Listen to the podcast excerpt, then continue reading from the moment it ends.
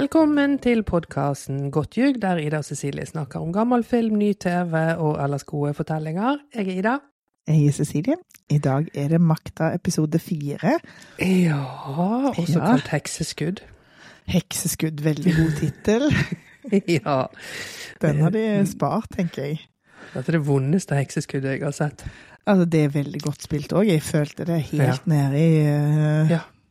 korsryggen, holdt jeg på å si. Der man Ja, ja. føler ja. Nei, det var godt. Det var klaustrofobisk smerte. Ja, eh, og det er også jo altså. fryktelig, fryktelig vondt. Mm. Herregud. Ja, det er det.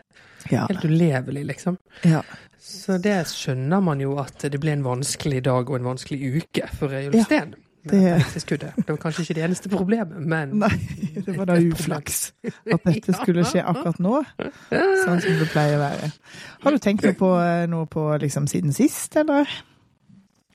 Om jeg har tenkt på noe siden sist? Om makta? Ja, om makta. Tenker på makta hele tiden, jeg. Ja. Um, jeg snakket med Jeg var traff en venninne forleden som er svensk, som har bodd i Norge de siste ja, vet da søren, 15 årene eller noe sånt. Men Ja. som er jo veldig sånn orientert norsk nå, men så klart ikke har dette i ryggen Ja. fra barndom og sånn. Som var jo, er jo veldig spennende å høre hva hun tenkte om det. Um, og hun liker det også, men jeg er jo helt blank. Har ikke, det er det, er ikke gjenklang på noe her. Så, de, så det absolutt går, men kanskje da blir det mer sånn at hun som spiller Gro er god, og ikke sant, de tingene og de grepene som er gøy. ja. Men jeg er nesten litt sånn overrasket over at det holder. For det er jo interessant, tenker jeg, med det at den skal være solgt til så mange land. Dette vet du sikkert mer om enn meg. Eh, Jeg vet ikke mer enn akkurat det, men eh, man blir jo Mhm. veldig, veldig spent på hvordan det, hvordan det reiser. Men det er jo klart at historien om Gro er jo liksom Det er jo ett lag av det, og så er det jo så mange lag her som eh, Ja. de leker med som Mm. eh, Men jeg tenker òg at venninnen din kommer til å liksom hun, hun eh, får jo med seg de tingene som henviser til i dag, for eksempel. Det er jo masse av det Ja. Det er jo kjempegøy. Jeg elsker det. Ja. Så eh, ja. Nei, men det blir spennende å se hva Har du tenkt på noe, da? Har du tenkt på noe siden sist? Jeg har jo hørt en masse podder og ting Mm. om eh, Ja, folk er jo smartere enn oss på sånne politiske ting, helt åpenbart. Ja. Så nå har jeg lært hva rentetak faktisk var. Jeg trodde det var liksom antall kroner tak, jeg, men det var jo så klart tak på Altså prosenttak på rente. Mm. Så det har jeg lært meg. Og så har jeg fått med meg at serieskaperne har sagt at de gjør bare disse tolv episodene. Fordi Nei. at nå føler de at de har fått sagt hva de ville.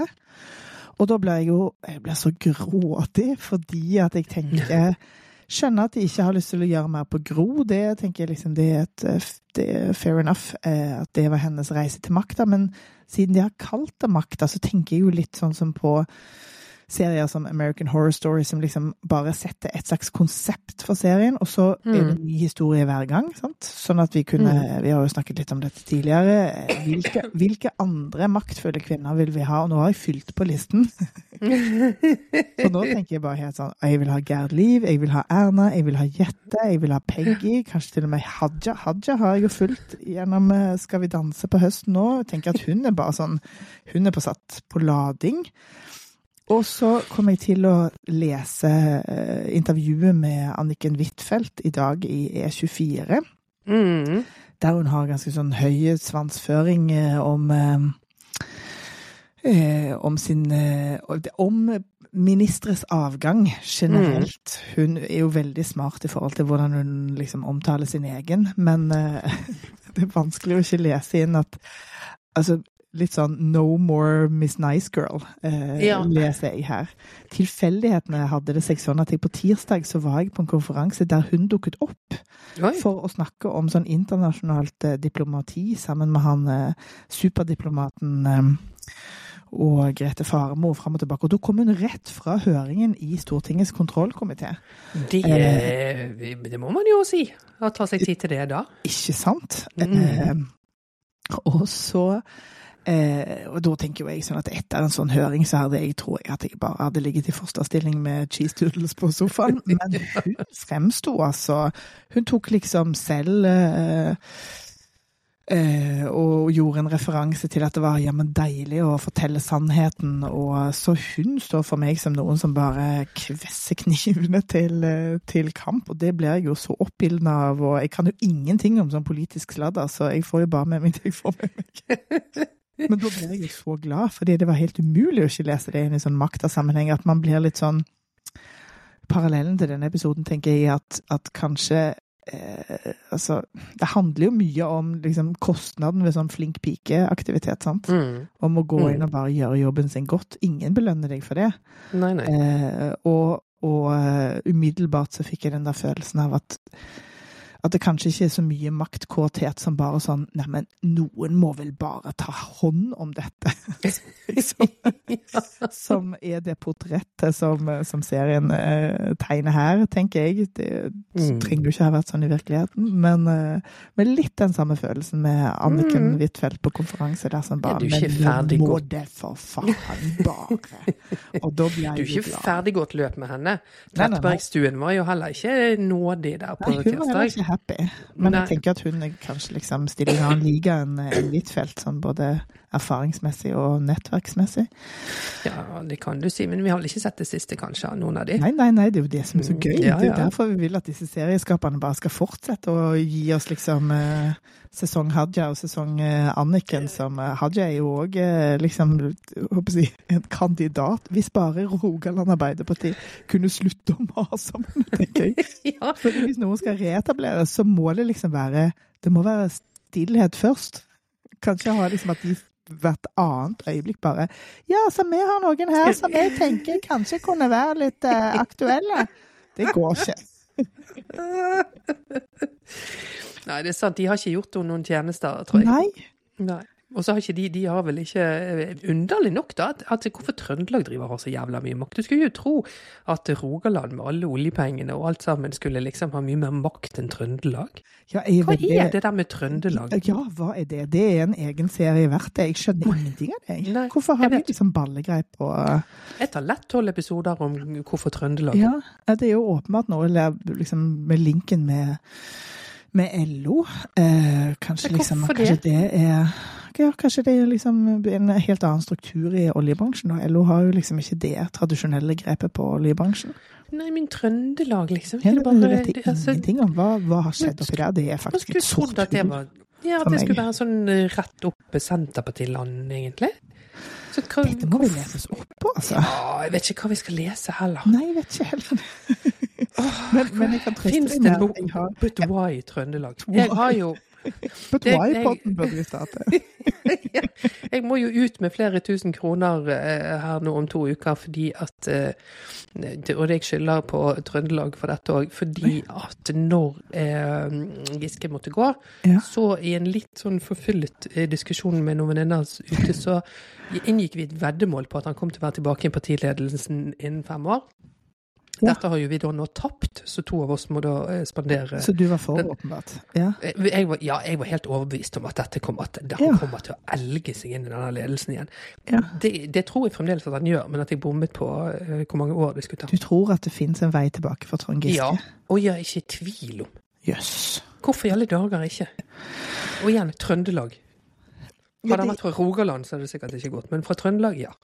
Ja, altså det er jo en scene i denne episoden der eh, Gro snubler foran regjeringsbygget. Eh, jeg Det er tenker kanskje gøy. at det har noe med det å gjøre. Ja, det er veldig gøy. Eh, eh, så nei, vi får se. Den, eh, den som venter, får se. I alle fall så, så blir det en middag på Hot Shop, så jeg skal ikke klage over Ja. det, altså. Men du får lov til å være med på middagen, i hvert fall. Jeg får være med. Ja, det, det, var, det var hyggelig. ja. Nei, dette tror jeg gjerne uten at jeg kan Jeg kan jo altfor litt om dette, men jeg bare Ja, ja. tenker Et sånt maktmenneske med da dette mystiske Trøndelag i ryggen, LO i ryggen, og, og den der eh, Litt sånn klamt håndtrykk-gjengen som er der nå. Nei, Ja. det klarte klart han kunne På et eller annet tidspunkt så blir det også en sånn Nei, men fader, altså. Nå får vi bare Fiks, fiks dette. Liksom. Det er mulig at du liker han litt bedre enn det jeg gjør. Nei, det, det er ikke noe med at jeg liker han. Jeg liker han ikke i det hele tatt. Jeg bare bare ser på maktstrukturene. Ja. hjelper ikke. Du skal ikke Altså, liking er ikke interessant i denne diskusjonen. Nei, nei, men sånn altså, jeg, jo, jeg, jeg, jeg, tror, jeg, tror hvis man, hvis man lar seg treffe av hans karisma, så er det kanskje enklere å se hans kapasitet. Og der blir jeg bare helt sånn tom inni meg. Um, jeg har bare leser om at de syns at han er så flink. Mm. Det, det vet ikke jeg noe om. Men det skal sies at, at den, eh, den eh, Ja, det var ikke meningen å liksom uh, shame deg for, for spådommen din. Jeg tror du har helt rett. Det var mer det at jeg klarer ikke å føle det. Rent bortsett fra den ene scenen i Makta rår-dokumentaren som der han snakker om nettopp dette med makt. At uh, hva i all verden skal vi med politikere som ikke har lyst på makt? Det er jo Mm. helt ubrukelig. Mm. Da, da brenner den igjennom. Det, det må man si. Det er vanskelig å ikke se. treffe seg det. Det- Ja. Men det gjelder jo det samme som disse andre vi har snakket om nå. Vi står jo midt i den historien, så dette vet vi jo ikke ennå. Det er spennende. kjempegøy. Ja. Ja. Skal vi kaste oss over 1979, eller? Ja, ja, ja. ja, ja, ja. Let's do. Fordi at vi har jo eh, den, Vi fikk jo fortalt av Arvid Engen sist at eh, her blir det kommunevalg og fredagsmassakren. Ja. Og vi snakket jo om det. Har aldri hørt om fredagsmassakren. Nei. Den skal jeg aldri glemme nå.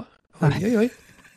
Fader, dette var altså så, så gøy. ja dette er Og de, gøy. ja, og de starter jo i Sverige, for det viser seg at det er valg også i Sverige som går skikkelig dårlig.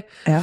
Og de er på valgvaken, og det går åt skogen. Eh, og der er Ulstenås, eller er det Førde? Nei, det er Førde som sier til Palme at ja, vi har valg i morgen, det kommer også til å gå til helvete. Altså det her, det gøyeste med denne scenen i Sverige, bortsett fra at Reiulf Steen helt fra starten av var skikkelig vondt i ryggen, og, og, og det er så godt gjort. Han spiller så godt, og det er filmet så godt hvor vondt han har. Ja. Men Førde sin svorsking, Ja, det, elsk på det. Det er akkurat sånn jeg gjør når jeg er snakker med svensker. Jeg gjør automatisk akkurat det han gjør. Tjener det? Man går dit, og det er altså, Jeg fikk så varmt hjerte for han, for han ser så dum ut. Og jeg vet mens jeg gjør det, at jeg også ser kjempedum ut, men jeg klarer ikke la være. nei, altså det er jo bare sunn fornuft, fordi at svenskene skjønner jo ellers ikke hva vi sier. Så det, jeg Ja. levde jo i forskningen i 15 år, så det, det, Ja. det er jo en realitet. Jeg syns jo òg at eh, Førde eh, Førdes eh, konklusjon av, av valget, dumme, dumme svensker som ikke vil ha Palme, fikk meg òg til å skjønne liksom enda mer av hvorfor de har valgt å la han være østlending. Fordi at tenk, stakkars, stakkars manusforfatter, skal du sitte og skrive nynorske vittigheter til Einar Førde? Det er, altså, Da skyter du deg sjøl i foten, så la oss bare gjøre han til østlending, og så får vi Ja. leve med at folk blir sure. ja, Det var har Jon, Jon klokere Fosse. enn jeg Det klokere om Jon Fosse hadde vært eh, inne og skrevet. Hadde ikke det vært gøy? At, manusforfatter for en Ja, annen. ja, men han er jo mer det usagte ordets mann, og det var jo Han er ikke sånn moroklump. Ragnar Hovland, men han er mye sånn snillere, liksom. Ja. Ja. Nei, uansett. Jeg, jeg, jeg, jeg har sluppet den vestlandsforbannelsen for lenge siden. Men jeg lo så hjertens godt av denne her eh, svorskingen hans, altså. Ja, ja. Altså, de har jo skapt en helt ny karakter av Førde, som Ja. har sine helt egne kvaliteter. Så det, det var ikke det, Mm. men det bare liksom Jeg, jeg forsto mer av valget deres.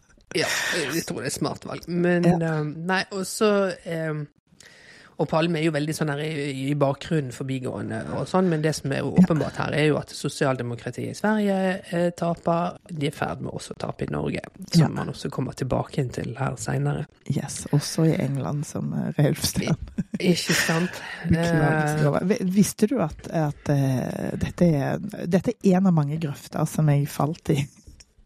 Når jeg uh, googlet. Det tok meg fire timer å se denne episoden, skal jeg bare si. Fordi, ja, det det er jo så deilig, fordi man lærer så mye, som sagt. Mm.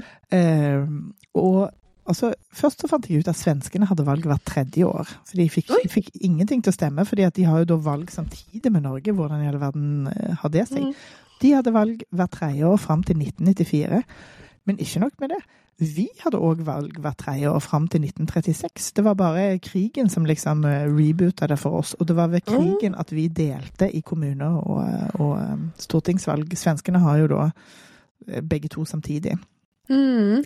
Så eh, ja, det var bare det. Men, det Men gøy. Ja, ja, men det var interessant. Det føles helt sånn skeivt og rart med hvert tredje år. Det er bare sånn Ja. humpete hop, liksom. Men eh, Men det er klart, tre er jo et magisk tall, så Hvis man hadde vært vant med tre, så hadde Ja, tre vært greit. absolutt. Det er jo veldig, veldig vanlig sånn på den måten.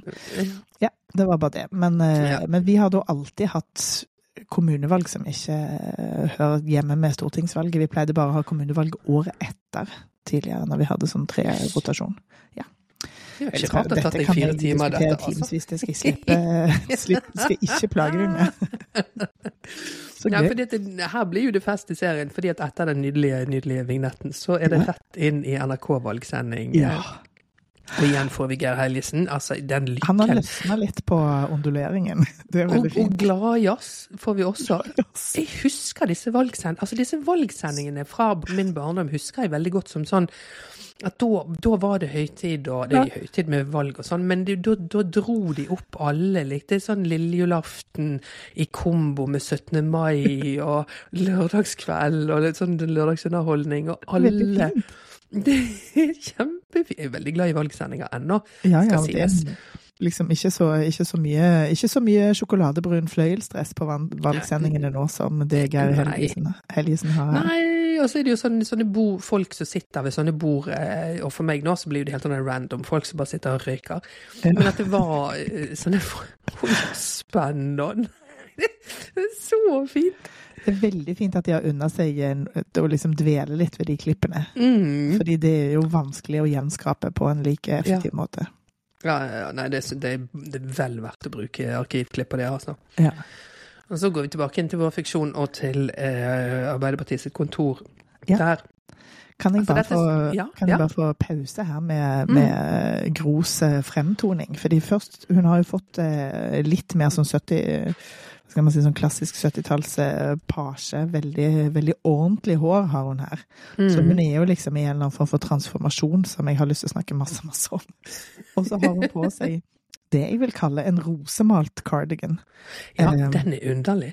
ja, og jeg lurer på om de drar på med det feminine her for å få lov til å skape et slags brudd med den eh, Gro som vi etter hvert ble kjent med, med litt sånn 80-talls kvinneblazer. Mm. Eh, Det er jo sånn man husker Gro, i hvert fall jeg, når jeg liksom lukker øynene og tenker på henne. Eh, Mm. Så at man liksom At vi får en softere Gro, eh, som så klart hører hjemme med den tiden som, eh, som vi ser på her i 70, på 70-tallet. Men jeg er jo veldig, veldig glad, veldig glad i sånne transformasjonsscener som liksom Kate Blanchett i Elizabeth eller Viola Davis i How to Get Away with Murder, når hun tar av seg sminken. der, Så jeg håper sånn at vi får en sånn skikkelig power transformasjonsscene.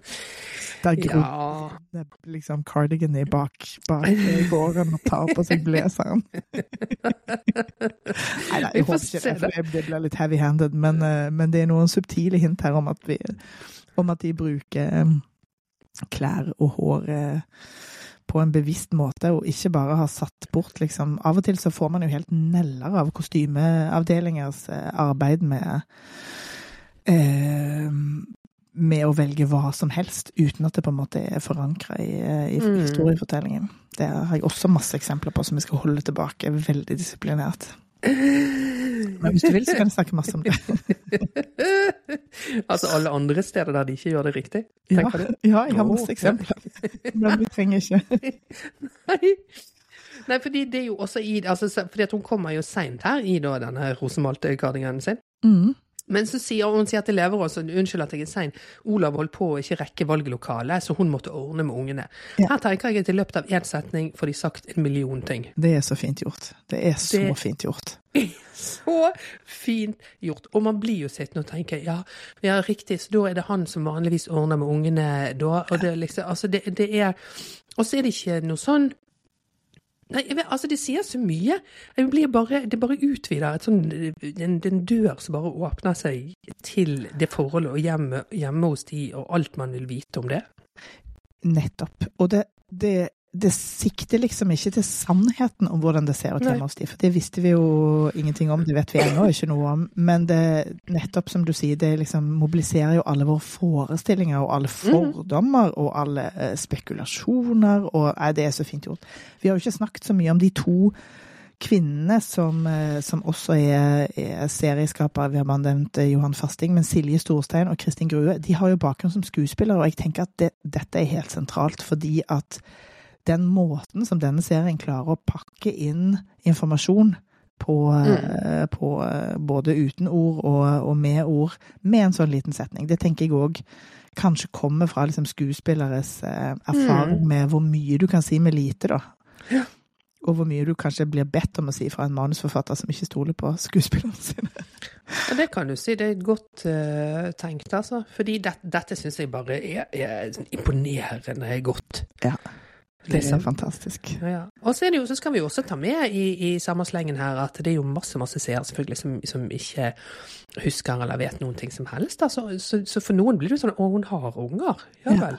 Liksom. Ja. Det eh, Ja, det er så Ja, rart å tenke på, men du har helt rett. Ja, Ja. det er jo det. Eh, nei, så også er det bare en sånn Og, og samme i svingen, liksom, selv om det har vært nevnt tidligere. at- Og, så- for det lever også altså, nei, Det hadde vel ikke vært det verste at han ikke lak- rakk valglokalet, han som er Høyre-velger. Og der Gro sier vi bor på Bygdøy, en Høyre-stemme fra eller til spiller ingen rolle. Som igjen er litt sånn for eh, velkommen til nye eh, seere. Det er akkurat det. Vi bor på Bygdøy. Ja. Bare for å ha satt eh, igjen da, at hun er en fremmedfugl. Ja. Det er Ja, veldig fint. Ja, Det, det, det, liksom, ja, det er påholdent og samtidig veldig mangebundet. Mm. Ja. Briljant. Ti poeng. Ja. Eh, og så får de inn prognosene her, og de har jo visst at etter den togturen og liksom åpenbart resten av den eh, høsten kan man jo bare tenke seg hvordan dette Ja. har sett ut. Og prognosene er kjempedårlige. Eh, det har jo og så- også, det har jo også eh, Hvem var det som sa det da i Sverige? Førde. Førde. Var det, Mm. Nei, ja, det var ikke Førde som fortalte det. Det var Var det ikke en journalist som kom dinglende? Jo, jo, det Ja. er eh, kom, Ja, kom dinglende og sa det. Men så sier Førde det til Palme. Nettopp. Men i alle fall da, så kommer eh, eh, Leverås her, og eller Reiulf har ikke kommet ennå. Mm. Eh, og at han måtte ta et seinere fly. Han skulle egentlig flydd med Førde. Nei, det var noe med ryggen. Så, men så ble det samtidig òg sånn eh, Nei, Førde han tok en øl i går kveld, og da måtte han bare gå, for han hadde sånn til ryggen. Mm. Og Gro er ganske sånn skeptisk til hele denne historien. her, sånn, De tok en øl, ja. mhm. Mm. Og det, det, det, her er det jo også, tenker jeg, som jeg syns de gjør fint gjennom hele egentlig denne episoden, er fordi han har vondt i ryggen. Mm. Og det er liksom eh, Fordi at jeg leste en sak her nå i sted, i, overraskende nok i Dagbladet, som gikk gjennom liksom sannhetsgehalten i en del ting med ikke sant, med, med hvem som forteller hva fra den historien, og Reiulf sjøl som har nedspilt hele tiden med med drikkingen, det var ryggen, og eh, noen unnskyldning om den flyturen med de pillene sammen med alkohol. Det bare bom, og så gikk han ut. Det brakk ikke egentlig så mye. Det er jo en klassisk eh, unnskyldning i mange situasjoner. Kan også være sant. Men jeg syns at de er egentlig ganske gode til, selv om vi ser han drikke, at du kan også helt fint kjøpe historien om at det er bare ryggen. Ja, det er begge deler samtidig. Det er begge deler samtidig, som er så fint. Og måten Eh, de gjør det på, er jo helt eh, briljant òg, fordi at han går jo rundt med de der Jeg havna òg i et sånt globoid eh, research-hull som eh, Men det ser ut som Parølgen Forte, tror jeg. Ja, det står liksom PA på det pillet Ja. i en seinere scene, så all Ja. min research var helt bortkastet. ja, for globoid var sånn vanlig pille, liksom. Ja, men det, så, det var den samme røde etiketten. Og her, du har helt rett, her tror jeg det er Paralgin Forte Han driver og rasler rundt på flyet. Um, og i den scenen hvor vi ser det pilleglasset, så sier han òg til flyvertinnen kan jeg få en drink, eller kan jeg få noe å drikke? Ja. Eh, og vi vet jo hvordan det var på 70-tallet. På, eh, på eh, fløy sikkert eh, første klasse. Eh, og så sier hun ja, hva vil du ha for noe? Eh, og så er det liksom Det er bare sånn splitt sekund, men der Sten da først former munnen til et sånt slags Altså sånn to, liksom. Og så endrer han, endrer han munnen sin til en Ja. Så man Jeg tenker OK, han, først så ber han om liksom Kan jeg få to whisky? Og så endrer han det Kan jeg få fem? Og det er klart, jeg, altså, jeg vet ikke om det er det som er meningen, men bare sånne bitte, bitte små ting. Ja. sant? Bare gjør at det bare fyker forbi, og du tenker dine egne ting. ja, og det kan fremdeles være et glass vann. Det kan fremdeles være et glass vann, fordi at de trenger ikke å påstå noe. Er, her er det altså noen som har virkelig grep om eh, Mm. Mange måter å fortelle på. Um, Ja. mm, Ja, ja, det er helt nydelig. Og stakkar, og alle ser på han, og det er så trangt inn på sånn fly, og han skal Ja. få opp liksom vesken sin oppi, og du vet jo han har så vondt i ryggen, og opp ja, og masse journalister og Ja, og han prøver å få bytte til seg midtgang. Nei, det er det ingen som vil gi. Altså. Og så han har det så vondt Ja. inni det der innerste setet. Og det er vondt å ha hekseskudd. Det er grusomt. Ja. Så eh, Nei, det er så Men han er så god. Å ja. denne rollen. Altså. Han er, han er kjempegod. Ja. Så, eh, ja, for det er en VG-journalist her, det får vi vite senere, men det er en journalist som snakker med han, kan jeg få en kommentar når vi lander, liksom. Så ja, ja, det kan du. og på partikontoret så driver de liksom fremdeles og leter etter Eyulf. Ja. Eh, og, og, og fordi at Unnskyld. Ja, jeg skulle bare si at det er veldig fint her, fordi at de liksom eh, de har en litt sånn eh, dokumentarisk eh, slash mokumentarisk eh, stil på de første. Før vi liksom kommer inn på kontorene, så filmer de Mm. mellom gjennom Ja. rullegardin, holdt jeg på å si. Hva heter det? Sånne sprosser. Pasientene. Persiennene, takk. Der Bjørsmar Gjerde står stress stresspiser. ja. Det er, sånne, det er liksom, det er så overskuddsaktig, dette. Du bare drysser på med, med en masse herlige Ja, ting. Ja. Det er helt fantastisk. ja.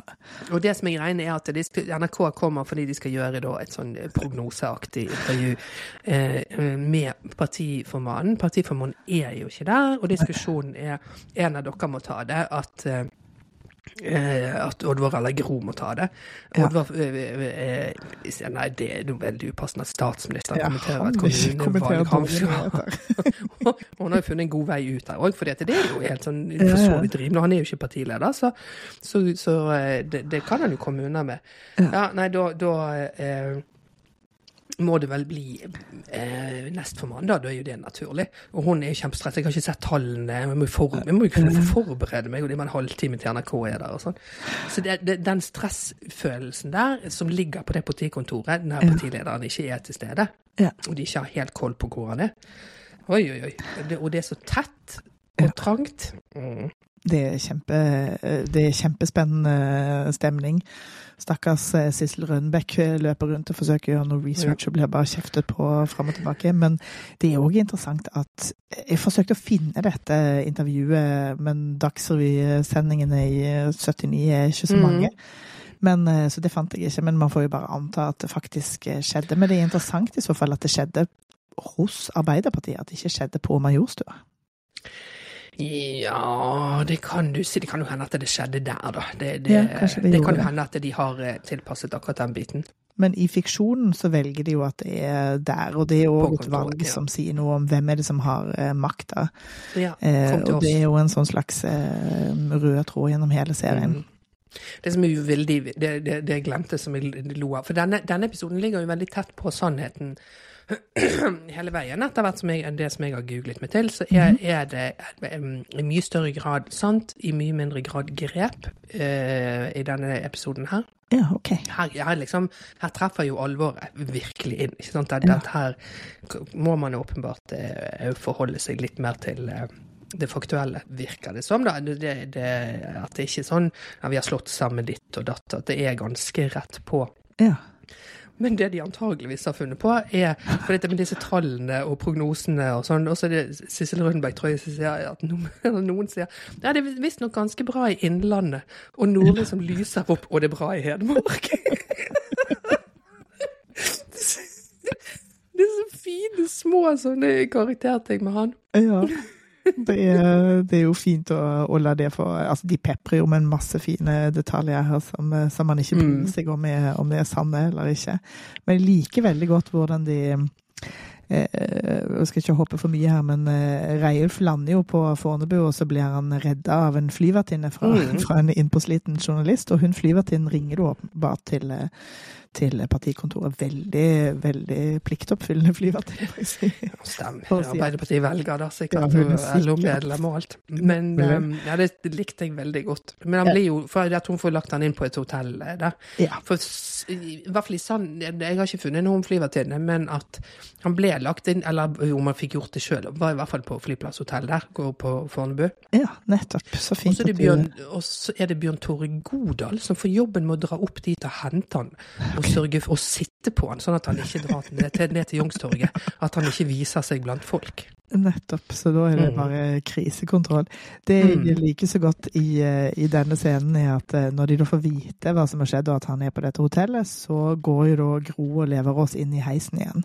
Ja. Eh, og den bruken av heisen som en sånn eh, Som en sånn nesten som en sånn bekjennelsesbås i Big Brother, at, at der blir det sånn backstage. Eh, Ja, og med den lyspæren som ja, kommer det er ned. Altså, kjempefint. Veldig gøy. så gøy! Ja. Det er veldig sånn rikeaktig. Ja, rike òg, ja. Absolutt. Absolutt. Mm. Med de der eh, lange transport. Er hun altså så forbanna at dette går altså ikke an? Og det er jo liksom alt som strider mot hennes person som en sånn ordentlighetens uh, førstelinje. At Ja. det, går, det går ikke an.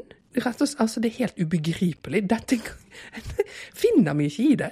Ja. Men hva skal du gjøre? For du står jo helt Du kan ikke gjøre noe annet enn å bare go with the flow. For dette er situasjonen. Og du kan si så mye du vil at det ikke går an, men her står vi. Ja. ja, og hun blir jo litt sånn fremstilt som at hun vikles inn i en del av de her komplikasjonene og maktkampene, eh, Mm. selv om hun så klart eh, helt sikkert var en, eh, en aktør i det. Ja, Det virker jo som, det kan vi jo komme tilbake til, men at på slutten her så gjør hun sånn til en aktør, men at frem til ut denne episoden her, så, så er hun bare en sånn bystander i det hele, og er flink, liksom. Ja, men det er jo så fint eh, nettopp det der at de har kalt episoden for hekseskudd. Mm. Eh, setter det jo veldig eh, i en sånn slags, hva skal man si, de gir henne jo mer liksom agens gjennom den Mm. tittelen, samtidig som de klarer å holde tilbake på liksom sånn Skulle egentlig ønske at det var noen smålige mennesker rundt omkring annet enn møbelhandleren, fordi at alt er jo veldig sånn reinhåret.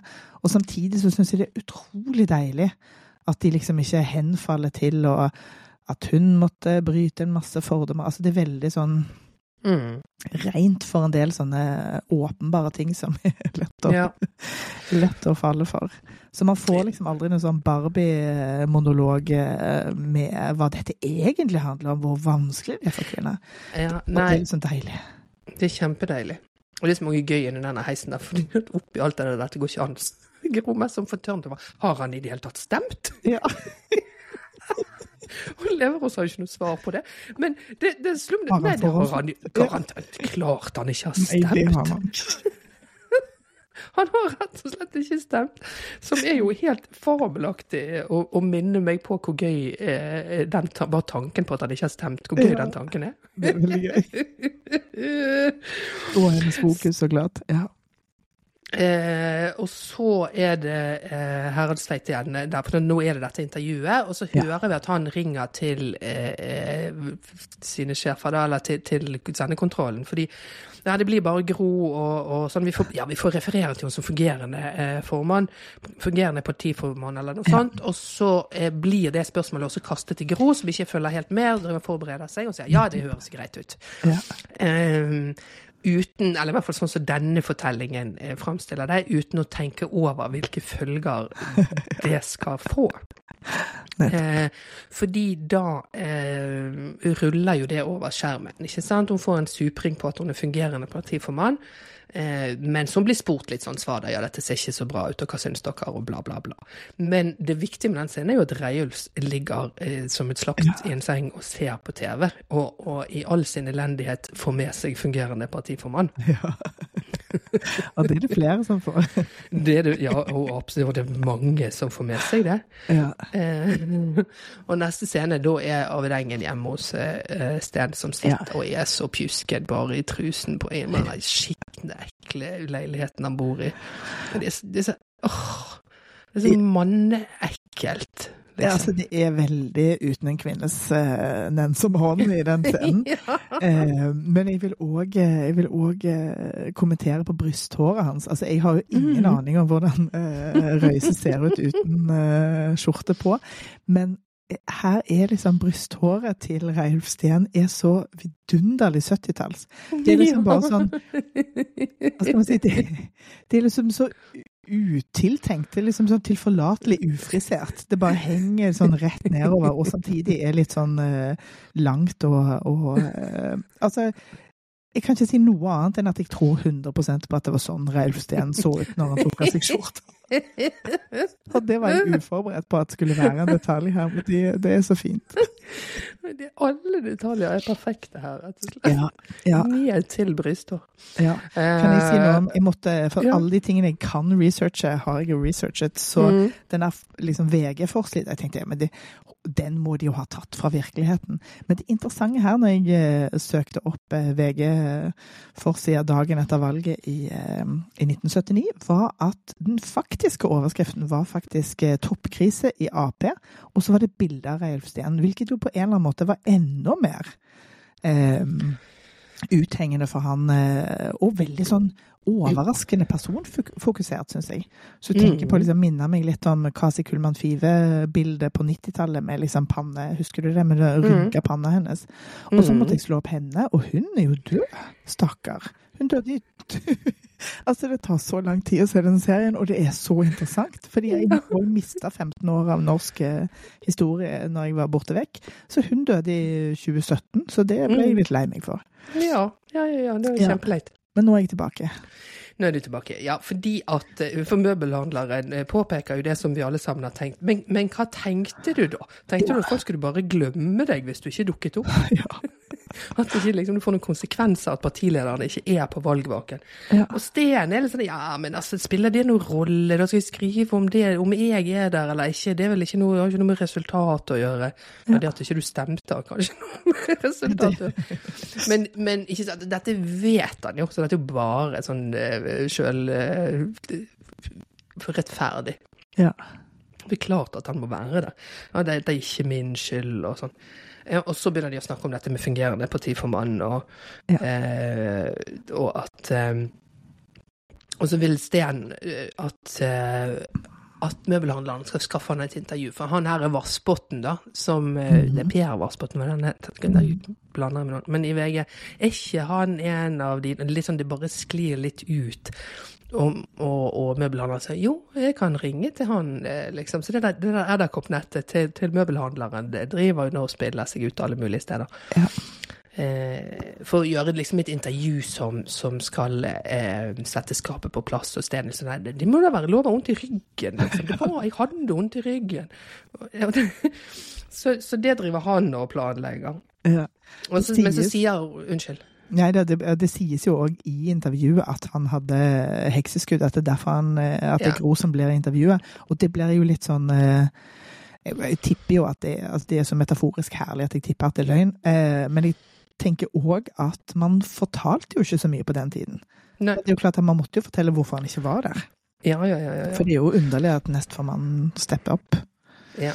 Ja. Og før vi kommer til det selve det intervjuet, så sier også møbelhandleren at han har pratet med Aspen Gren, som er vår, vår venn i LO her, at, Ja. eh, og han har ikke tenkt å la dette passere i stillhet. Og så, så kommer vi tilbake til en av de deilige scenene i den kjellerstuen til eh, møbelhandleren, der han sitter og tar opp Aspen Gren.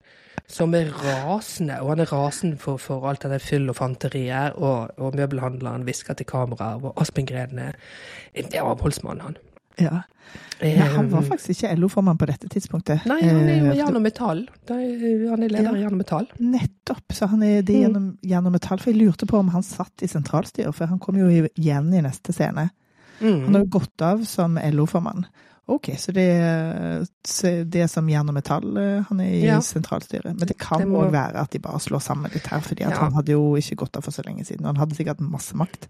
Ja, ja akkurat det vet jeg ikke. Men, men jeg, det her falt jeg ned i et lite hull, fordi Ja, det med, arbeiderbeve det med arbeiderbevegelsen og avholdsbevegelsen Ja.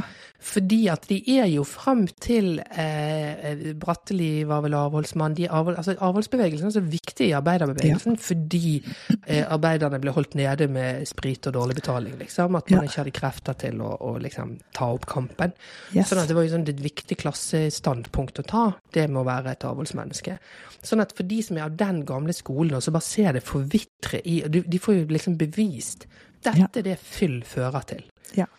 Og når du sier det, så kommer jeg til å tenke på noe helt annet. Og det er at fremveksten av alle disse her eh, kurs på fritida-bevegelsene, hva heter de i Norge?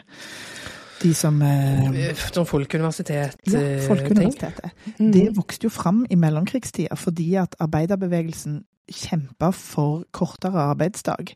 Men så var de så engstelige for fylla at de Mm. var opptatt av Ja. at fritida må fylles med noe. Hvis ikke kommer Ja. folk til å drikke seg dritings. Ja. Eh, og det, det er jo sånn aspekt av arbeiderbevegelsen som man helt har glemt. Men Mm. eh, veldig interessant. Ja, for Man tenker jo på avholdsbevegelsen som veldig knyttet til eh, kristendom og religion og sånn, men eh, her gikk det opp en skjønn forening eh, med andre krefter også. Mm. Veldig fint å ha med. Ja. Så, ja, fordi at Nå går vi til dette sentralstyremøtet der Aspen Green krever edruelighet. eh, Og de sitter og så, så skolerette og skamfulle alle, bortsett fra Gro. For dette får vi jo liksom kamera gå fra den ene til den andre som skjemte seg ut på dette toget. Ja. Og det er bare ingen som eh, Sten er der vel ikke? Nei. Han er jo ennå syk. syk. Han, han er syk. så, eh, så de skammer seg eh, grenseløst helt, og de må Og han har jo helt rett også, liksom. Edruelighet kan jo være i en større forstand også. At nå må Ja. dere skjerpe dere, liksom. Ja. Og LO finner seg ikke, kommer ikke til å finne seg i dette. her, Dere må dere bare finne en løsning, eller så kommer vi til å kreve ekstraordinær eh, Hva heter det? General... Heter det, heter det gen- Nei, Ja, det er i borettslaget. Heter det generalforsamling? Ja. Det heter det? Parti... Ja, Landsstyremøte? Landsmøte, heter det. ja. Lite av sånt her i borettslag, eh, det må jeg si. Men eh, det er jo en del kommentatorer og folk som var med på den tiden, som har påpekt at eh, Gro var med på den togturen, hun òg, og drakk ikke solo og satt på fanget til Oddvar Nordli. Og det, det, liksom, det tenker jeg helt fint kan eksistere samtidig med denne fortellingen, fordi at det viktige med dette, det viktige med Gro her, er at Gro er framtida. Eh, Mm. Og, og framtida Vi vet jo alle at vi ennå diskuterer dette med fyll og fest på, på partiet, ikke minst i Ja.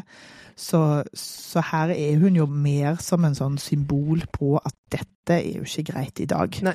Eh, Det- Dette skal vi slutte med nå. ja. Ja. Det har vi jo ikke, så klart. Du har ikke kommet helt dit ennå. Nei. Og så ber eh, Nordli Gro om å bli med opp på kontoret hans. Ja. Og her er det, han er jo så tilforlatelig, sant? sånn at eh, hans maktspill Mm. Fordi at man han Fra første gang vi møter han da han ligger og sover i stortingssalen, så, så har vi jo Vi glemmer jo at han også er en spiller her, sant? ja, det syns jeg vi får se her. Jo, absolutt. Ja. For han får jo henne til å si at ja, vi må jo gjøre noe grep her, og det er jo du hørte hva Aspengren sa, og eh, det er åpenbart Og, og har du eh, fremdeles tillit til Sten? Mhm. Og får henne til å si nei, det har jeg ikke. Og det bruker han for alt det, for alt det det er Mm. verdt. Og samtidig så driver jo Reiulf og, og manøvrerer på, på egen hånd med, med denne VG-journalisten, som da kommer hjem til han og, og bemerker hvor trist han bor.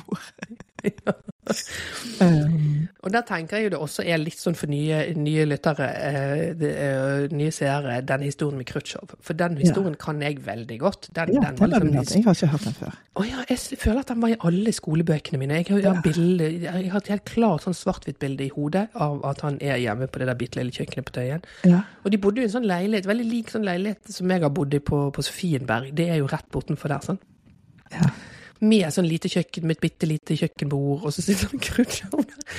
Det er veldig gøy. Um, tror at det er teater at statsministeren Ja. bor i en så liten leilighet. ja, ja, ja, ja. For det, det er klart, for i Sovjet så drev jo de mye med sånn teater, med front og backstage. ja. Så det er jo ikke så rart, det. Nei. Men jeg tenker at den, den, er, fin å dra fram. Alltid. Ja, jeg har aldri hørt, men det var, det var en gøyal eh, referanse. Mm. Mm. Eh, Det er jo åpenbart her at altså de, Igjen så drar de jo fram dette med, med forholdet mellom pressen og, og politikken, og at, at man Det er en påstand at de var helt ubehjelpelige, fordi Reiulf eh, forsøker jo å være litt sånn eh, smart og si å, det kan jo ikke være noe problem med toppledelsen i Arbeiderpartiet, for det er jo også problemer i Sverige og i, Mm. i eh, Europa. Og da er jo journalisten superrask til å si sånn Å, så du sier at eh, sosialdemokratiet har gått Ja. opp på dato? Ja. ja. Men, eh, men Reiulf fremstår jo også som en, eh, ikke bare som en helt hjelpeløs mann, men som en retoriker. Han sier sånn Å nei, det skal mer til for å forlate min store kjærlighet. Når, ja. når journalisten forsøker å presse han. Men igjen, hvis jeg bare kan dra Mm. inn det her Du må lese det intervjuet med Anniken Huitfeldt i Mm. E24, fordi det òg Der har journalisten vevd inn kommunikasjonssjefen til Arbeiderpartiet på en helt briljant måte. Oh, okay. Fordi eh, hun driver liksom og han skriver, han skriver at hun skotter bort på han når hun sier eh, liksom litt sånn ting som er på kanten, og så sier hun på et tidspunkt at kjærligheten, altså i forhold til mannen sin, at kjærligheten er viktigere enn jobben. Og da gjør kommunikasjonssjefen et hjerte med hendene til henne. Så det er jo altså det, er så, det er så gøyalt hvordan, hvordan, hvordan serien dirrer i nåtiden på en Ja. uh, morsom måte. Veldig morsomt, og helt, og helt på det åpenbare nivået. Og at dette spørsmålet om eh, liksom, har sosialdemokratiet gått ut på dato, det har jo de siste årene vært en liksom, opp på bordet-diskusjon. Yes. Det er veldig gøy om det, om det er Sten eller han journalisten som sier det. Jeg syns det var godt formulert. Eh, står vi overfor en paneuropeisk sosialdemokratisk ledersvikt? Det er Sten som sier som en sånn slags eh, Så ille kan det vel ikke være.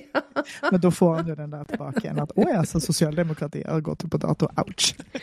Ikke sant? Nei, Ja. Så det er jo veldig sånn dagens eh, tekst også. Ja. Eh, men det, også sier han jo òg, fordi at i, i denne retoriske eh, talen sin eh, der til han journalisten, så sier han at at hvis partiet ønsker seg en autoritær leder på topp, så er jeg feil mann. Det strider mot eh, arbeiderbevegelsens natur. Og da lo jeg godt. Fordi Ja vel, tenker man jo. Det er vel nettopp det det ikke gjør, ja, kanskje. helt sant. Nei, men han er ikke ferdig med partiet, og, og det, jeg, ja, det skal mer til for å få meg til å ofre min store kjærlighet enn et par dager i sengen med vond rygg. Ja. Hele dette intervjuet er jo for han bare for å få sagt jeg hadde vondt i ryggen. Ja. Det, det er jo viktig til, for han å slå fast. selvfølgelig å få sagt jeg er som her, jeg, sprit og piller. ikke sant, jeg, har, jeg, jeg er klar for å være partiformann, jeg står i arbeiderbevegelsen, liksom, Ja. stol på meg, egentlig. Så kommer det en gøyal scene, for da er vi hjemme hos eh, familien Stoltenberg. Altså, Ja, Kristian Skolmen Ja. som Thorvald? ja. Han har jo Han- vært løpet Han ligner jo ikke, men han, har, han gjør ting med munnen sin som er gøyale. Det er så gøyalt. Og det jo Det har jo vært så mye snakk om det der med at det var alltid altså, Man kunne gjøre alt hjemme rundt kjøkkenbordet hos Karin og Torvald. Da ble alt liksom løst.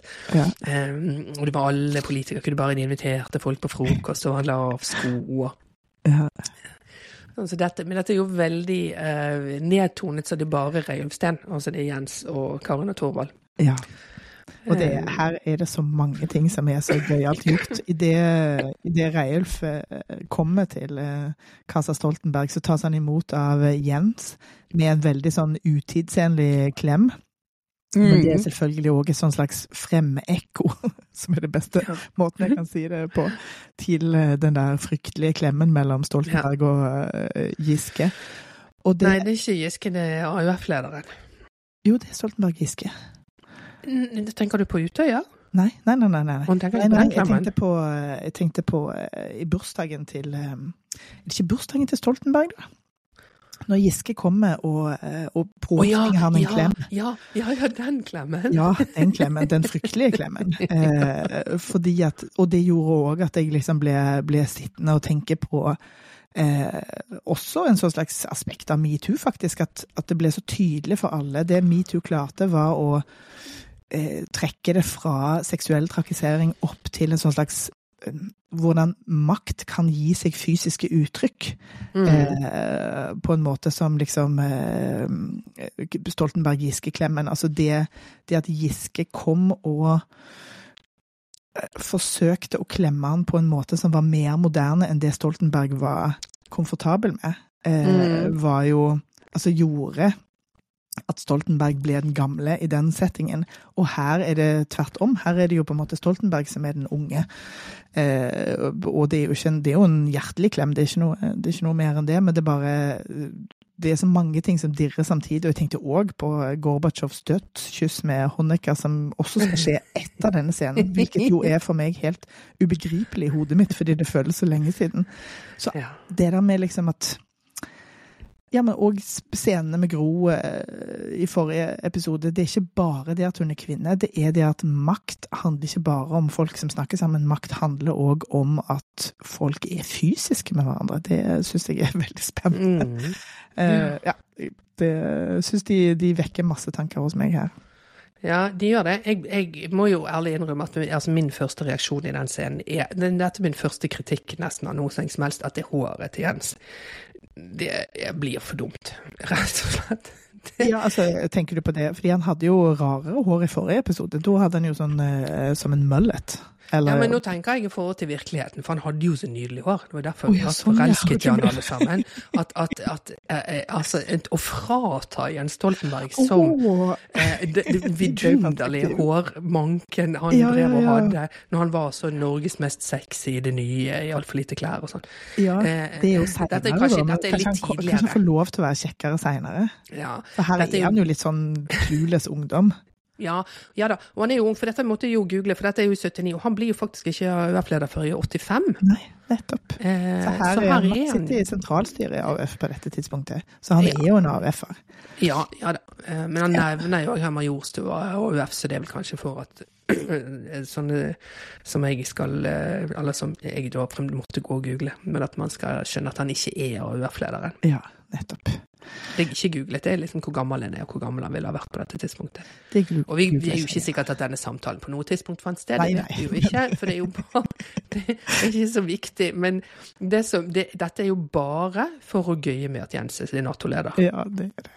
det, Det er kun det. og det kan ikke engang være for nye lesere, fordi at annenhver uke så står det jo liksom et intervju med han der han blir konfrontert med, med det at han var atom, eh, atomvåpenmotstander.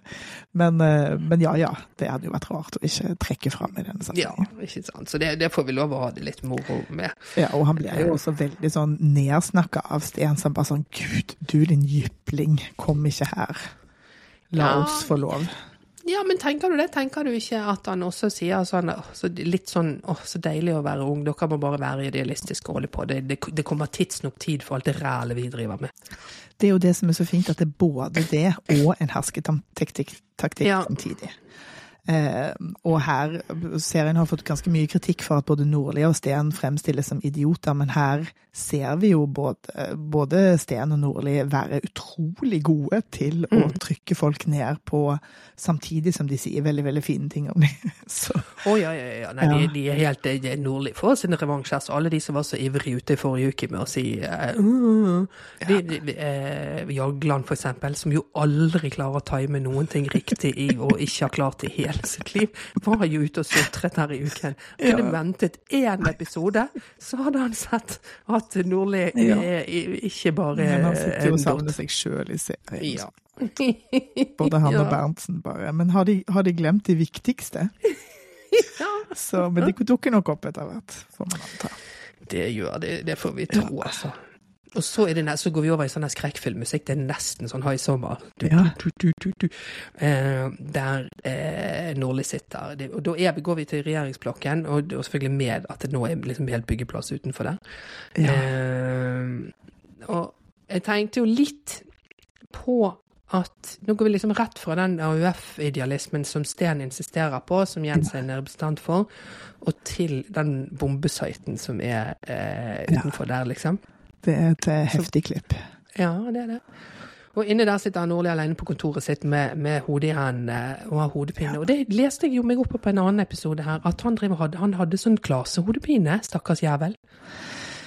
Ja, var det ikke noen som sa at på det tidspunktet så kalte man liksom eh, depresjon for klasehodepine? Det var et eller annet jeg leste om eh, at det òg var noen metaforer der som på en måte skulle dekke over eh, at han hadde psykiske problemer. Men det, var det finnes sikkert ikke noe enkel oppsummering på dette. Det kan jo vel helt fint ha vondt i hodet. Men for det er det jeg satt og tenkte på. Altså, Der sitter han og røyker og, og med hodepine. Og Ja. Dette kan jeg fortelle som gammel røyker, at Ja. det er det dummeste du gjør med hodepine. Punkt én. Punkt to, så lenge du røyker Men all, hele den tiden jeg røykte, så har du litt sånn lett hodepine hele tiden. Oh, ja, ja, for det, det jo Du sitter jo og inhalerer gift, så klart. Ja, det er det. Så det var sånn stramt. Litt, litt sånn stramt belte rundt pannen. Nei, eh, Ja. Det var, det de var veldig deilig å bli kvitt. Ja, ja, de har all hodepine verre. Ouch. Så det slo meg, og det var mer fordi jeg leste om den hodepinen. Ja. Men jeg leste ikke dette med at det kunne vært depresjon. Nei, men altså, han, hadde, han hadde jo helt sikkert eh, hodepine, det var ikke det. Det var bare i den uh, teksten som jeg leste, så var det vevd sammen med at, at Mm. man liksom ikledde hans depresjon en masse fysiske ja. Nettopp. symptomer. Ja. Åh, men stakkars, der sitter han og han der, og så samtidig så sitter Leverås på sitt kontor i mørket og jobber nede på rett over gata hos Arbeiderpartiet. Ja. Ja, spiser sånn burger som så ut som sånn en god gammeldags sånn bygdeburger. Sånn, sånn som du For det var en sånn uh, sånn- isoporboks. ja. og Jeg tenkte å, drar de på med McDonald's her bare for å gøye det til? Men nei, det var det ikke. Det var sånn skikkelig veikro. Ja. Jeg tror heller ikke at det fantes veikroburger i 1979, altså.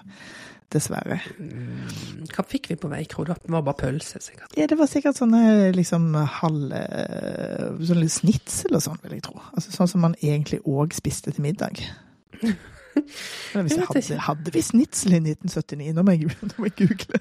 Nei, dette er jo som den Jeg har fortalt deg om den før, sant? den artikkelen som Eller sånn, sånn revet ut av et ukeblad som jeg eh, mamma, Når mamma flyttet, så hadde jeg eh, en, en sånn perm med oppskrift hun hadde revet ut av ukeblader og sånn. Den permen har jeg. Og deriblant så er det en artikkel fra 1977 eller 78. Eh, eh, med bilder av sånn langpannepizza, og, og, og så står det sånn det siste nye, og så, og så kommer det sånn 'Slik spiser du pizza'. Det er en liten sånn faktaboks. Det er oppskrift også, og den oppskriften er sånn panne, langpannepizza. Men, men det er så nytt at det har vært behov for å, å liksom eh, forklare at liksom, du skjærer en bit, du kan skjære trekanter, og du kan spise, bare legge din serviett. Det er liksom veldig sånn innføring i pizza. Men Så dette, det dette husker vi jo fra 80-tallet òg, at det var liksom Ja. Pizza var jo nytt. Ennå, Men det er jeg liksom. prøver å tenke hva man Og det var sikkert det var jo ikke så mye mat på pizza på bensinstasjonen og Nei, vet da faen hva man spiste når man satt og jobbet sånn seint, jeg, da. Butikkene stengte jo klokken fem, liksom. Ja, altså Peppes ble jo, hadde jo øh, knapt blitt eh, etablert i, eh, i eh, Så det var jo ikke noe sted å, å ringe, liksom. Det var i hvert fall ikke burger. Det tror jeg Det eh, tror ikke jeg på. Men eh, det er jo gøy at de, at de Men det så god ut, da. Jeg fikk lyst på den burgeren. Ja, den, det også var kjempegodt. Men iallfall så finner han et brev, eller et notat, jeg synes det var litt forvirrende, med, med, i en hel masse papirer. Så finner han et eller annet som blir oppskjørtet, ringer til Arbeiderbladet og vil snakke med Jacobsen. Ja. Som er han eh, søte nordlendingen eh, som vi har Ja, sett jeg før. kaller han bare kjæresten til Perny. ja, Jeg vet ikke hva han heter, skuespilleren. ikke jeg er heller, men det er veldig, veldig søtt. Han gjør jo en god figur her også, ikke bare i Perny, men også her. Yes, han spiller samme karakter, vil jeg si. Litt Ja, sånn. det gjør han jo egentlig. Eh, men han blir da kalt inn på teppet, og har da åpenbart skrevet et brev om eh, Arbeiderbladets eh, ståsted i, liksom etter eh, sentralstyremøtet, og her må det skje opprydning i partiet, at Arbeiderbladet er, ser det slik at eh, Gro bør ta over, både som partileder og eh, statsminister. Ja, det er jo underlig med liksom sjangeren brev i denne sammenhengen. Men kan Ja. ha vært liksom som en leder som bare Altså, bare så dere vet, så har vi tenkt å trykke dette, fordi eh, å drive og sende brev på den måten, er det som en bekymringsmelding til, eh, til ledelsen, eller hva? Men ja, de er jo liksom så sammenvevde, da, så kanskje det var sånn at du måtte rapportere dette skal vi skrive i avisen i morgen, eller vet da faen jeg. Jeg vet ikke. Det gjør at jeg er veldig glad for at vi ikke har partipresident. ja. Og der Leverås eh, Det er fordi at Jacobsen legger liksom fram saken sin på at de, eh, de kommer ikke til å, å gå rolig. Hun kommer ikke til å kreve makten. Du er den eneste i denne lederen som kan gå for den helt åpenbare løsningen. Ja. Det er du som må ta det. Ja. Og Leverås eh, har ingen interesse av det. Nei, det var han ikke interessert i. Nei. Eh, for han ville ikke mene om ting som er jo interessant. Men Det er jo lett i en sånn, eh, i en sånn rolle å kaste hendene opp i luften og si 'jeg er bare en byråkrat' når det passer en sjøl, Ja. jeg. Ja. Det er nettopp det. Um, og så er, vi, også er, det, så er det morgen og fuglekvitter og sol og alt mulig, for her våkner nemlig Reiulf Steen opp uten vondt i ryggen. Ha det litt bedre. I helsetrøye. Grønn helsetrøye. Det er så fint. Ja, det er kjempefint. Det var kult med den grønne. Jeg jeg husker bare de hvite, liksom. Ja, jeg òg. Mm. Det, så han er helt eh, i toppform og kommer på jobb på kontoret. Ja. Um, og det ender ikke så bra for noen. Nei, det gjør ikke det. Det gjør ikke det. Her eh, oppdager han jo så klart at Gro har overtatt kontoret hans, fordi eh, hun, måtte jo, hun måtte jo rydde opp når han var vekke, sier hun. Eh, han kjefter på henne, hun kjefter på han. Ja, her er det isfront. Her er det eh, isfront. Ja. Eh, Og veldig fin detalj at når hun liksom marsjerer av gårde sur for at han ikke har takket henne, så tar han liksom eh, igjen gjenerobre pulten sin, og det første han gjør da, er å sette askebeger og pipene ned fra Ja. hylla, hvor han, hun har åpenbart ryddet det bort, og han Ja. bare Det skal på plass igjen. ja. Fine detaljer. Ja, nei, det er eh, altså eh, Ja, de, de er så gode på alle de der småtingene. Ja. Og så, Nå kommer det store renkespillet her, da, der Ja. Reiulf ble kalt opp til statsministeren. Der er Bjartmar Gjerde og Ja. Oddvar Nordli. Og han tror jo i utgangspunktet at han her, nå skal han få kjeft. Å ja, nå skal jeg få karakterkortet mitt, sier han. Ja. Men nei da, fordi at de har drevet, og her er det sånn noen har snakket sammen, en virksomhet som pågår, fordi at eh, de, de har diskutert da hvordan denne oppvasken skal foregå, og skal Oddvar gå, da må jo hele ledelsen gå, og det er det jo ingen som har lyst til. Eh, og hvis vi ikke gjør noe, så er det Gro som vinner gjennom. Eh, og, og mens Reilf i starten sier sånn, ja, så ikke fordi han mener det, men det er vel bare for å liksom dra ut mer det, Så, så, så sier Oddvar at jeg er ikke sikker på om at partiet egentlig vil ha en akademiker fra Harvard til å overta arbeiderbevegelsen. Ja. Og Sten sier at dette er så genialt, og så sier han og det er det vi kaller kvinner nå. ja. For, for det er jo bare liksom å skjære gjennom tydelig sånn her Vi er ikke klar for en kvinne eh, ennå. Ja. Uten at de sier det noe mer enn det. Det det Men jeg synes det, altså, da ble jeg så glad Ja. når de gjorde det sånn. Fordi selvfølgelig, i en progressiv bevegelse, så, så har de håndtert eh, den type, den type hva skal man si, bekymringer på en Mm. fordekt måte. Det, Det er klart det. Åh, det er helt fantastisk. Og igjen, at de liksom ikke er politisk korrekte å ramse opp for oss eh, hva som er på spill her, men la oss skjønne det sjøl. Mm. Mm, så nydelig. Åh, det er så nydelig, altså. Det jeg håper på når hun endelig, når jeg ser inn når de kommer til at hun blir statsminister, så håper jeg at de har vært i NRK-arkivene og funnet det. Husker du fra sånn Fem på gaten når hun ble statsminister? Så de hadde intervjuet folk, og det ser ut som det er i 1870. For det er bare sånn menn med støvfrakk og hatt og sånn. Ja. Eh, og han ene som er en mann som ser eldgammel ut, og sikkert er 52, som, som blir spurt og sier nei. Nei, dette syns jeg ikke noen ting om. eh, Nei, kvinner, nei, kvinner er ikke liksom egnet til å være statsminister. Og hvorfor ikke det? Så, nei, de har jo ingen erfaring. Ja. Som er jo idiotisk. Sånn, ja, En hvilken som helst mann som får jobben, har heller ingen erfaring. Og bare setter det på sånn kvinner eh, istedenfor hun, liksom. Ja. Men det klippet ønsker jeg meg at er Ja. med. For det jeg oppe hver gang det er sånn. Ja, hver gang de gjør sånn oppsummeringer, sånn Gro og sånn, så kommer ofte det med. Han stakkaren blir dratt frem som sånn Ja, dusten fra 80-tallet. The Foreigners-mannen. Ja, Ja. veldig. Ja, ja. Men her er jo Nordli god på eh, politisk spill, om man skjønner han, er- han er ikke noe bygdetulling fra, fra Hamar. Nei, virkelig ikke. Her, fordi at han, unnskyld, jeg må bare hoste. Er det allergi, eller er det forkjølelse Nei, i dag? Nei, det er altså den forkjølelsen som man bare Ja. ikke vil slippe taket. Ja. Eh, Det går over i april. Ja, det er nettopp det, og du går det rett over i allergi. Ja. Dette er en hostepod, så deal with it. Sånn er det. Ja, sånn er det bare. Ja. Det er fordi det de spiller ut her i, i denne her samtalen, fordi at eh, eh, Og det var, så jo nå her stå splid videre og sånn der, Ja, Gro satt jo nettopp akkurat i denne stolen, og, og vil du høre hva hun syns om din fremtid i partiet? Og jeg må jo si jeg er overrasket over at du ikke har mer lojalitet overfor deg, og, og bare trykker kniven inn eh, der du gjør mest vondt, liksom. Ja. Eh, sånn at eh, de har åpenbart her nå på dette kontoret, de tre, en sånn felles forståelse av at det er Gro som Altså, Gro syns at hun bør ta over. Dette må vi stoppe. Ja. Eh, og, eh, og Sten sier hva dere vil med meg, da? Nei, vi vil at du skal inn i regjeringen. Og det kommer jo helt sånn surprise, surprise eh, på han. Men egentlig på oss også, hvis ikke vi har historien fra 79 Absolutt. framme i pannebrasken. Ja, det hadde ikke jeg måtte google. Ja, jeg òg måtte google. Ja, men det er jo et eh, smart eh, trekk, og Sten reflekterer jo over det sjøl. Ja, at å ja, jeg skal få lov til å bli handelsminister, så eh, sånn på, daglig basis så svarer jeg til Oddvar, sier han. Ja, Så det er jo en måte å liksom løfte han opp, løfte han tettere, og trykke han ned samtidig. Det er jo veldig fint gjort.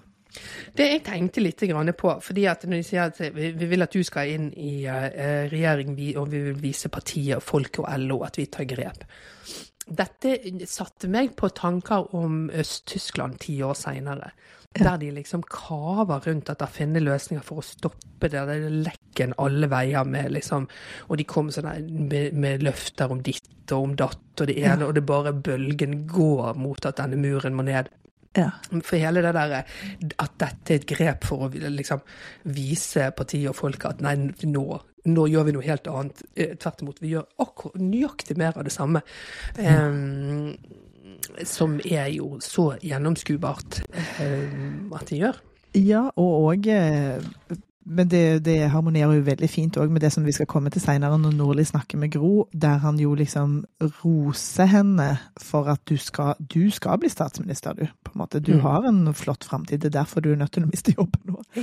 Eh, og når jeg drev og, når jeg drev og liksom oppfrisket eh, dette eh, Gorbatsjov-Honecker dødskysset, så kom jeg eh, så kom jeg òg inn i historiene om at det var egentlig en sånn slags misforståelse eller en forsnakkelse som gjorde at, at uh, muren falt. Mm. Eh, eh, fordi at det liksom var En av de ansvarlige ble, ble intervjua om at det hadde blitt beslutta, at de skulle åpne muren på et senere tidspunkt. Og så kom han til å si at det skjedde, og det skjer her og nå i dag. Og da løp alle ut og liksom eh, stormet muren. Så, så det er som du sier, det der spillet med å holde igjen de Mm. utviklingene, og hvordan det ser ut innenfra de siste dagene, det, eh, det er veldig fascinerende. Ja. Vanskelig Ja, det å vite, så klart, men her har de en god, en god teori. Ja, her er de altså så eh, gode eh, her. Eh, Ja. Og de avslutter jo bare denne scenen her litt sånn uklart på om Sten går med på dette eller ikke. Men han Eh, ringer jo til møbelhandleren fra en telefonkiosk. han løper rett ut og finner telefonkiosk. Og det er så gøy å se telefonkiosk. Fordi som jeg savner telefonkiosk. Så mange timer av mitt liv jeg har stått og hengt i en telefonkiosk. Og liksom enten ringt til noen, eller venta på at noen skulle ringe på avtalt tidspunkt. Ja. Sånn. Det tror ikke jeg folk skjønner, altså folk, men altså ungdommer i dag skjønner at, at, man, at det var en slags mobiltelefon for oss som ikke hadde tilgang på telefon der hjemme. Og så så kaldt som det var i telefonkiosk. Det var så kaldt. Mm. Det er akkurat det. Forferdelig. Men her er det jo en møbelhandler han får jo lov til å liksom slenge litt med leppa og si at åh, hun der dama er helt rabiat etter makt. Ja, og det, tror, det er et eh, direkte sitat. Eh, Ja, mener jeg jeg bestemt at jeg så i den Lahlum-boken, eller et Ja. annet sted. Ja. At eh, denne samtalen er liksom lekket Ja. En av de som ble I sin helhet. Fordi han, Mm, det er derfor her- han driver med de teipene. Ja. Og dette har jo vi glemt å nevne, men du, siden du er verdens beste uh, googler, så har du jo uh, For noen uker siden så sendte jo du meg et uh, klipp til en Dagsrevyen-episode med intervju med sjølveste møbelhandleren Ja. fra 1989, når den boken Edderkoppen kom. Yes. Jeg posta det på Insta, så det fins i stories der. Ja. Og der, altså Det det er så For en lite trent mediemann. Ja. Det å bli sånn sint på intervjueren, og bli så altså, Man nekter å spille det spillet i det hele tatt, liksom. Så, nei, det og, han, er så, han er så irritabel. Det er veldig, veldig gøy. Ja, det er jo en mye mye seinere møbelhandler enn her, så klart. Ja. Og han er jo veldig pressa, fordi han blir plutselig så har alt renkespillet hans Men han fremstår jo som en ganske sånn ressurssvak type der. Ja, det er det. Eh, som man får nesten litt sånn synd Føles, føles litt eh, som at han blir putta inn i en setting han ikke har kontroll over. Ja, men det kan du si. Men det er klart Men- han hadde jo masse kontroll. Ja, fordi det han sier her nå til Reilsten, er at ja, og du skjønner liksom at det, du, det tilbudet du har fått nå, og hvis du skal inn i regjering, sånn, så må du få med deg noen av dine folk. Ja. Det er hans anbefaling til Sten. ja. Det får man jo tro eh, var ordrett, da, siden eh, Ja, sikkert. det er en vekker. Og det eh, som er så genialt gjort her, for vi ser bare som bilde av Gro som går over Youngstorget, og så ser vi helt oppi hjørnet så står noen og snakker sammen. Igjen, da. Dette er en veldig sånn eh, Noen har snakket sammen-episode. Eh, der står Sten med Oddvar sånn eh, helt i utkanten av bildet. Der han åpenbart legger fram 'jeg skal ha med meg disse'. Ja. Og Dette er åpenbart såpass eh, eh, betent at det gjøres også utenfor partikontorene. CIA skal ikke få med seg dette, da. Og, Ja. Nettopp. Fordi da eh, eh, kommer jo Gro over denne byggeplassen og inn Ja. i regjeringsbygget, eh, opp i kontorene, og så møter Bjartmar Gjerde, som oppfører seg veldig merkelig og, Ja. og rart. Ser at Leverås, Nordli og Steen har et møte inne på et sånt dumt møtekontor med glassvegger. Det, altså, sånne møtekontor med glassvegger er så sløkket. Vet du, Når du sier det, så kommer jeg til å tenke på den gangen det var sånn nedbemanning i den virksomheten som du jobbet i, der de sto inne på et uh, møterom med glassvegger og skrev Mm. navn og strøk ut på tavlen. Husker jeg det rett, eller har jeg diktet Nei, med? nei, du husker det, for det har du diktet. Eh, det gjorde de ikke, men de, de eh, alle satt i lokalet og visste at ok, nå skal det nedbemannes og sånn, og så ble man kalt inn sånn én og én. De, de, det var bare de som ble kalt inn, var bare de som da skulle få Ja, ja, sparken. ja. Men de ble kalt inn på sånn møterom med Ok, ja, da har jeg dikket. diktet litt. Ja, Ja. Det ble en Men- bedre historie. Ja, mye bedre. Men det er jo ille Men nok. uansett ille nok, ja. Herregud. Ja. Eh, Og Gro jeg skjønner jo ikke helt hva som foregår her. Dette er jo sånn de spiller det ut her, at hun ikke har Fordi hun er så ren, sant? Ja. ja hun, er hun som fremstilles jo som en ekstremt naiv spiller spiller i dette. Ja. Ja, det er, jo, det er jo noen eh, som har påpekt, og det bør ikke være så jævla intelligent for å påpeke det, men at uh, dette er jo seierherrenes historie. Ja. Sant? Og det, sånn, sånn er det jo med all historiefortelling. Ja. Og det, men igjen så mener jeg at det, her er ikke bare Gro Gro, hun er også fremtiden, på en eller annen Ja. måte. Ja, Og hun er jo liksom eh, eh, Så det, det er helt fint. Og jeg tenker vi skal få plenty av sjanser til å se henne skitne til fingrene Å ja, det i vil jeg løpet av de neste eh, episodene. Ja, det kommer nå snart. Ja. eh, Neste, det må jo liksom bli neste episode, det. Um, men hun driver og fyker rundt og prøver liksom å finne ut hva er dette møtet, og sitter og funderer litt og prøver å snakke med sekretæren til Nordli, og nei, det, det, det, jeg fikk beskjed om ikke forstyrre. Og så kommer de ut, og denne scenen elsket jeg, altså. Ja. Leverås bare ser ned og bort, og hei, Gro! Så- Mens Reiulf-Steen ser ut som The Cat That Got The Cream når han kommer ut av dette møtet, og bare kaster sånn et blikk på henne sånn fra siden. Og det er så Og bare går bortover. Og samtidig så står Nordli i døren og nevner Men hei, Gro, jeg skal akkurat ringe deg, har du fem minutter? Dette er sånt et bakholdsangrep. Ja, ja, ja. Og, Åh. og han er så fin, flink til å turnere det nordlige òg. Nei, Mm. nei, nei. Det var bare Jeg var helt åpen at du er jo en medlem i regjeringen, så du kunne ikke være med på dette. Det var jo en større kabal som måtte gå opp. Eh, så dette har han gjort mange ganger. Ja, nei, her er han god. Ja. Eh, og, så, og, og så kommer jeg inn der, og de så snakker de gjennom, og Nordli er så flink til å liksom eh, turnere dette. Og sier ja, vi må gjøre noen endringer og sånn fordi at eh, ja, du vet, LO krevde jo det, og eh, vi må stokke litt om på regjeringen, og Reiulf skal inn og sånn. Ja.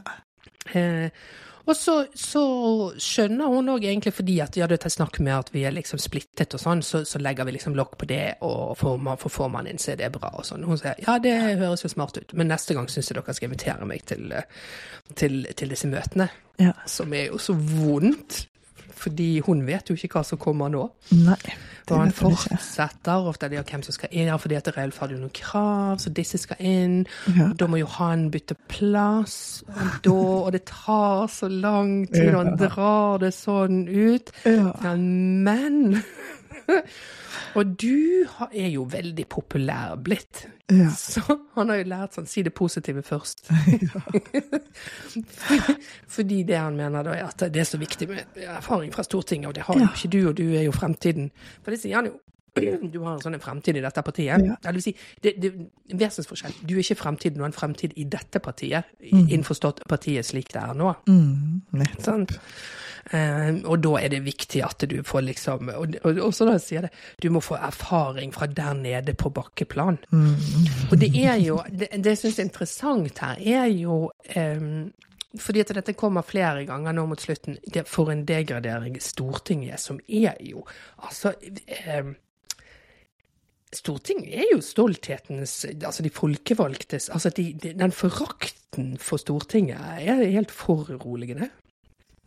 Ja, tenker du at han utviser en eh, forakt, eller? Ja, for han sier det, også, så, så, ja, fordi at hun skal ned på gulvet, liksom. Altså først er det sånn det er viktig med den erfaringen, men så er det liksom dette ned på gulvet, som også spiller jo på at hun Ja, eh, ikke har noen arbeiderbakgrunn, men Ja. liksom, en- får du en arbeiderbakgrunn av å ha vært på Stortinget, liksom? Og samtidig han Jacobsen i Arbeiderbladet, som også seinere sier sånn, skal du sitte her? Ja. som um, Ja, det er utsatt. Ja, ja. ja det er sant. meg.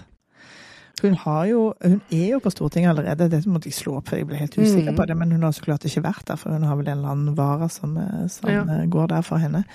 Eh, mens hun er minister. Men det er Mm. jo, altså, det er jo ikke en Greia er at han har jo helt rett, sant.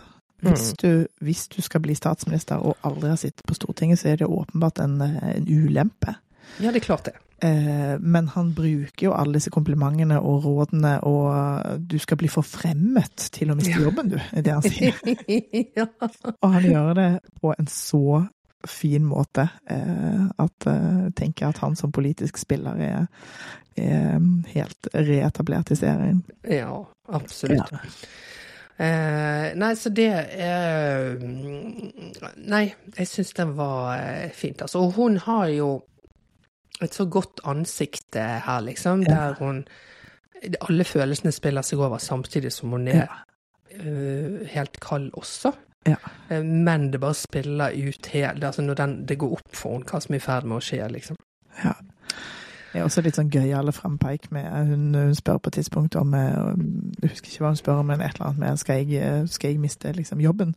Mm. Og da sier Nordli jeg vil vel ikke bruke de ordene, Ja. som jo òg er en, eh, en det lo jeg så godt Ja, det, det, det er jo Erna har jo brukt det masse ganger, men hun har jo berømt brukt det når, når Listhaug drev og eh, slang med leppa om, eh, Ja. om disse fremmed, fremmedkrigerkonene Mm. eh, måtte gå. Ja, ikke sant. Nei, det, nei, jeg- Erna sier jo det nesten hele, her hele tiden. Ja, ja, hun sier det så ofte, men hun har jo Mm. også sagt i sammenhenger der ministre har liksom drept seg ut. Mm. Så på den Mm. måten er det Der. Ja.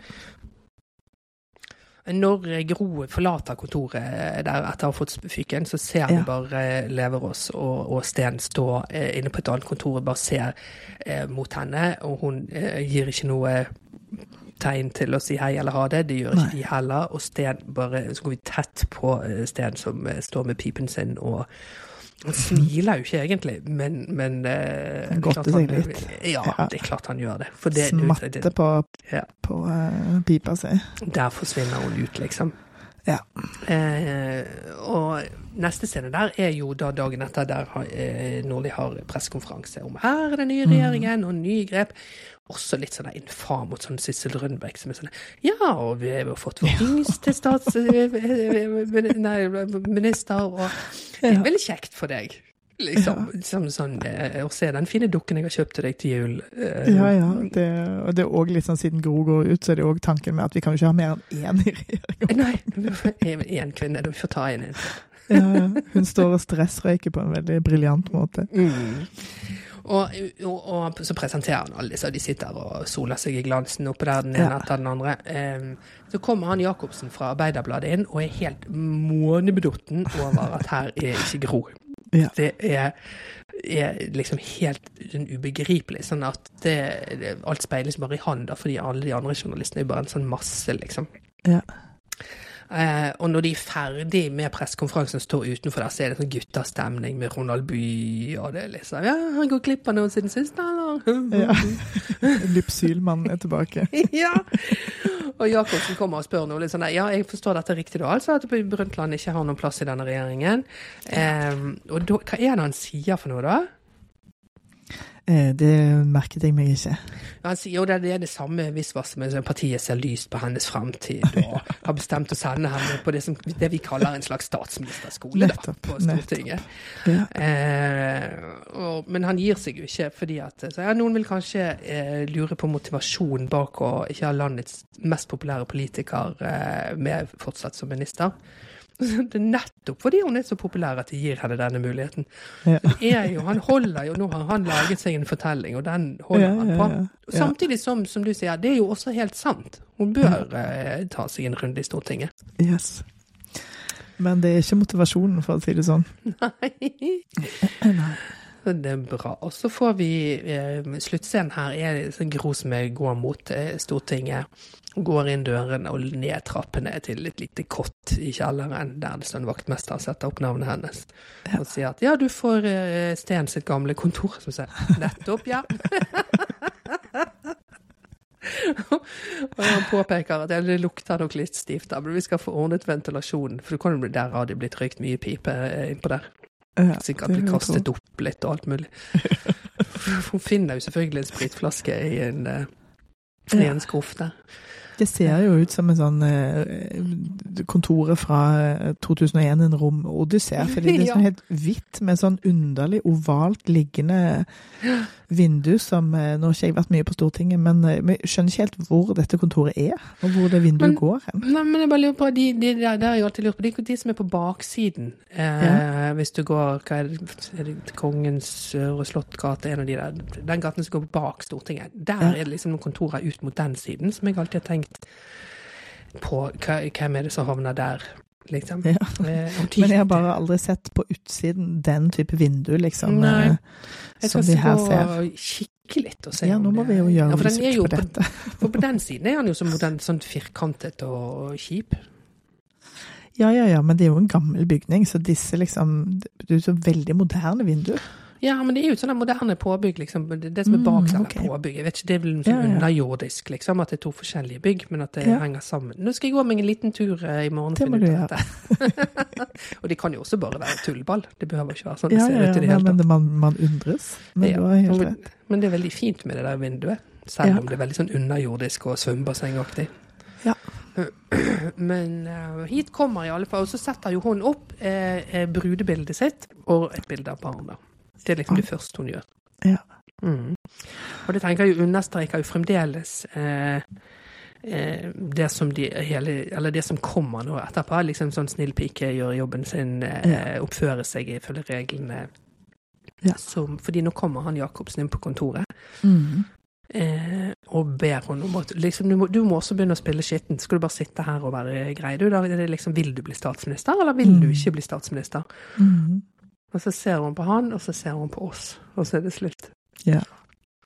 Det, Ja, det, ja, det er veldig fint. Og det er jo så klart skrudd opp til 11. Er Eh, men det funker så utmerka godt, og det er liksom òg Altså det der med makta som, eh, som tittel tenker jeg jo òg på i denne sammenhengen, fordi at det er det er en enormt god tittel. Det, Mm. det klarer å liksom heve blikket fra henne som, eh, som karakter til, eh, til kampen og institusjonen. Og så er det jo samtidig både noe som har i seg arbeiderbevegelsen med denne A-endelsen, men det er jo heller ingen tilfeldighet at A-endelsen er liksom hundkjønn for å si det sånn. Så det er på en måte institusjonen og drivkraften gjennom en kvinnelig linse, og det er altså bare Jeg er bare helt stum av beundring her. Og det gjør det jo enda mer fristende med nye sesonger med Peggy og Erna. Dette må bare rulle og gå, men det skal godt gjøres å, ha et like godt kildemateriale, helt sikkert, til, til nyere historier. Nei, og så er det jo noen ganger veldig deilig med noe som er bare sånn avsluttet. Du bare Ja gjør det dritbra i tolv episoder, istedenfor å si ja, jeg likte ikke Absolutt. helt sesong tre, men det tok seg opp i sesong fem. Det er jo så trasig når det blir sånn. Definitivt. Og bare Mm. tenke på liksom, det massive arbeidet med å finansiere og, og eh, skrive Mm. noe sånt som dette. Så, Ja. så skjønner jeg jo at de ikke helt orker å tenke på forventningene om sju, sju sesonger. ja. Men det er altså helt Det er så bra, altså. Ja. Det er veldig gøy å få lov til å være så entusiastisk, for ofte så er det liksom så mye som er mye. Men, Ja. eh, ja, men her er det, det er vanskelig å ikke Mm. Eh, slå knute på seg av begeistring. Og jeg tenker jo her nå at det der blikket på oss når han eh, setter det på spissen sånn Men du, du kan ikke bare sitte her og være grei. Du må spille. For det, hun sitter, prøver Ja. jo å sette seg på sin høye. Så, jeg spiller ikke sånn som de. Så, nei, men Ja. det må du faktisk. Det må du. Eh, og det blikket på oss er jo liksom Ja, vent og se. Eh, Ja. Er jo det det sier. At eh, nå setter hun i gang. For det går jo bare to år her til vi vet at hun blir statsminister. Ja. Um, I, et, I en kort periode. Før Ja. de taper valget. Og så Men- kommer hun tilbake i fem år. Ikke sant. Men, men at hun da får utmanøvrert Eller si, Den er jo eh, kjempespennende, den historien, liksom, hvordan det blir hen eh, nå etterpå. Men det vet jeg ikke om du har lest om, så det kan vi Nei, jeg har ikke lest om det. Jeg jo, driver bare og googler. Hva er det i globoid? Så Nei, det alt det vi- historiske skal jeg bare glede meg til. Ha neste gang, for det er Ja. så spennende hvordan det ble sånn. Ja, det Mm. gleder jeg meg til. Good, good. Da er det vel bare å gi ti av ti en gang til her, Ja. da. elleve, som sagt. ja. Og så ses vi igjen uh, før neste uke òg, for vi skal snakke, ja, vi skal om, snakke om, om Kompani Lauritzen. vi skal snakke om Tropp 2 på onsdag. Hele tiden. Ja, OK, ha det. ha det.